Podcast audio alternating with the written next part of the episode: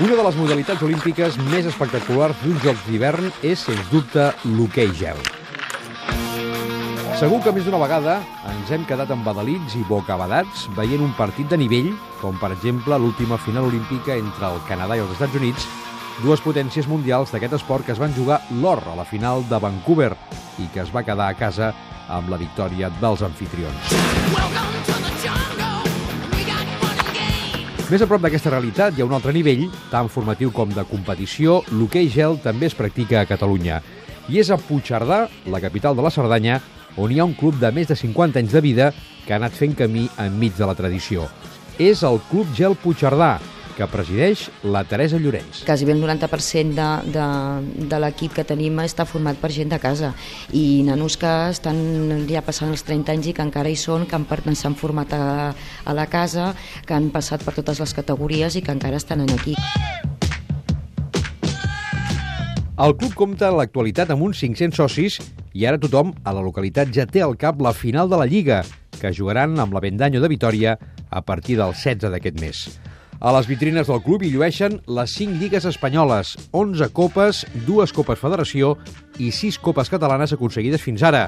A la lliga que formen 6 equips potser li calen canvis per fer-se més atractiva. Jo penso que és poc atractiva, diguéssim. Mm, a la persona que realment li agrada el hockey, pues, eh, bueno, sigui, és, eh, venen a veure el partit, els partits igual.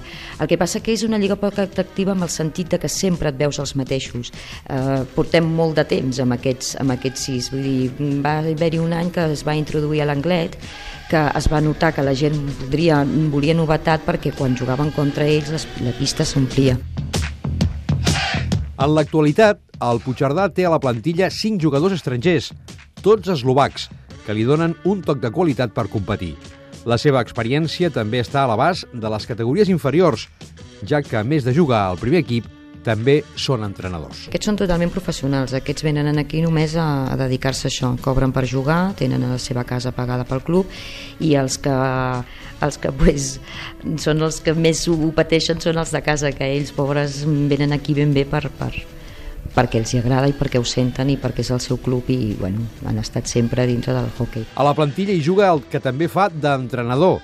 És l'eslovac Peter Kodlarik, que ja fa 7 anys que viu a la Cerdanya i que admet que en la situació actual és una bona sortida per maquillar la crisi. Es difícil pagar entrenador, pagar jugadores y, y ahora que, que puedo uh, jugar un poco porque también tengo casi 42 años y quiero, quiero acabar uh, jugar pero hasta ahora creo que puedo dejar algo más para, para chicos y también como entrenador uh, quiero enseñar más cosas.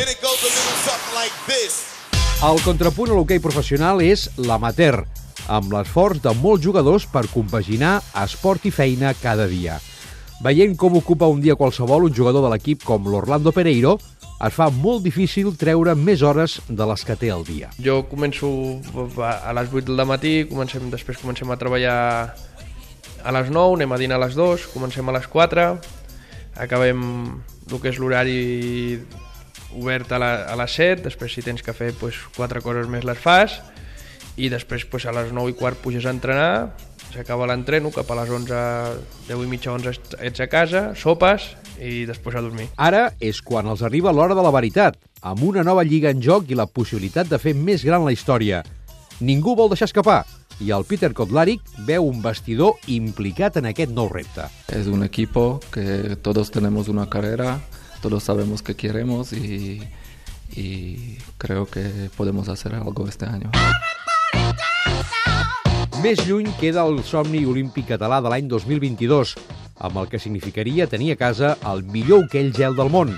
Seleccions com les del Canadà, Rússia, els Estats Units o Finlàndia, per parlar de l'elit. I per què no?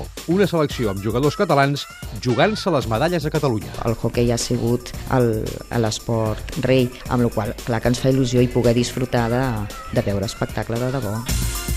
Jo crec que seria meravellós, vull dir, la paraula seria meravellós i espectacular pel tema de que potser faria l'embranzida als esports d'hivern que no tenim.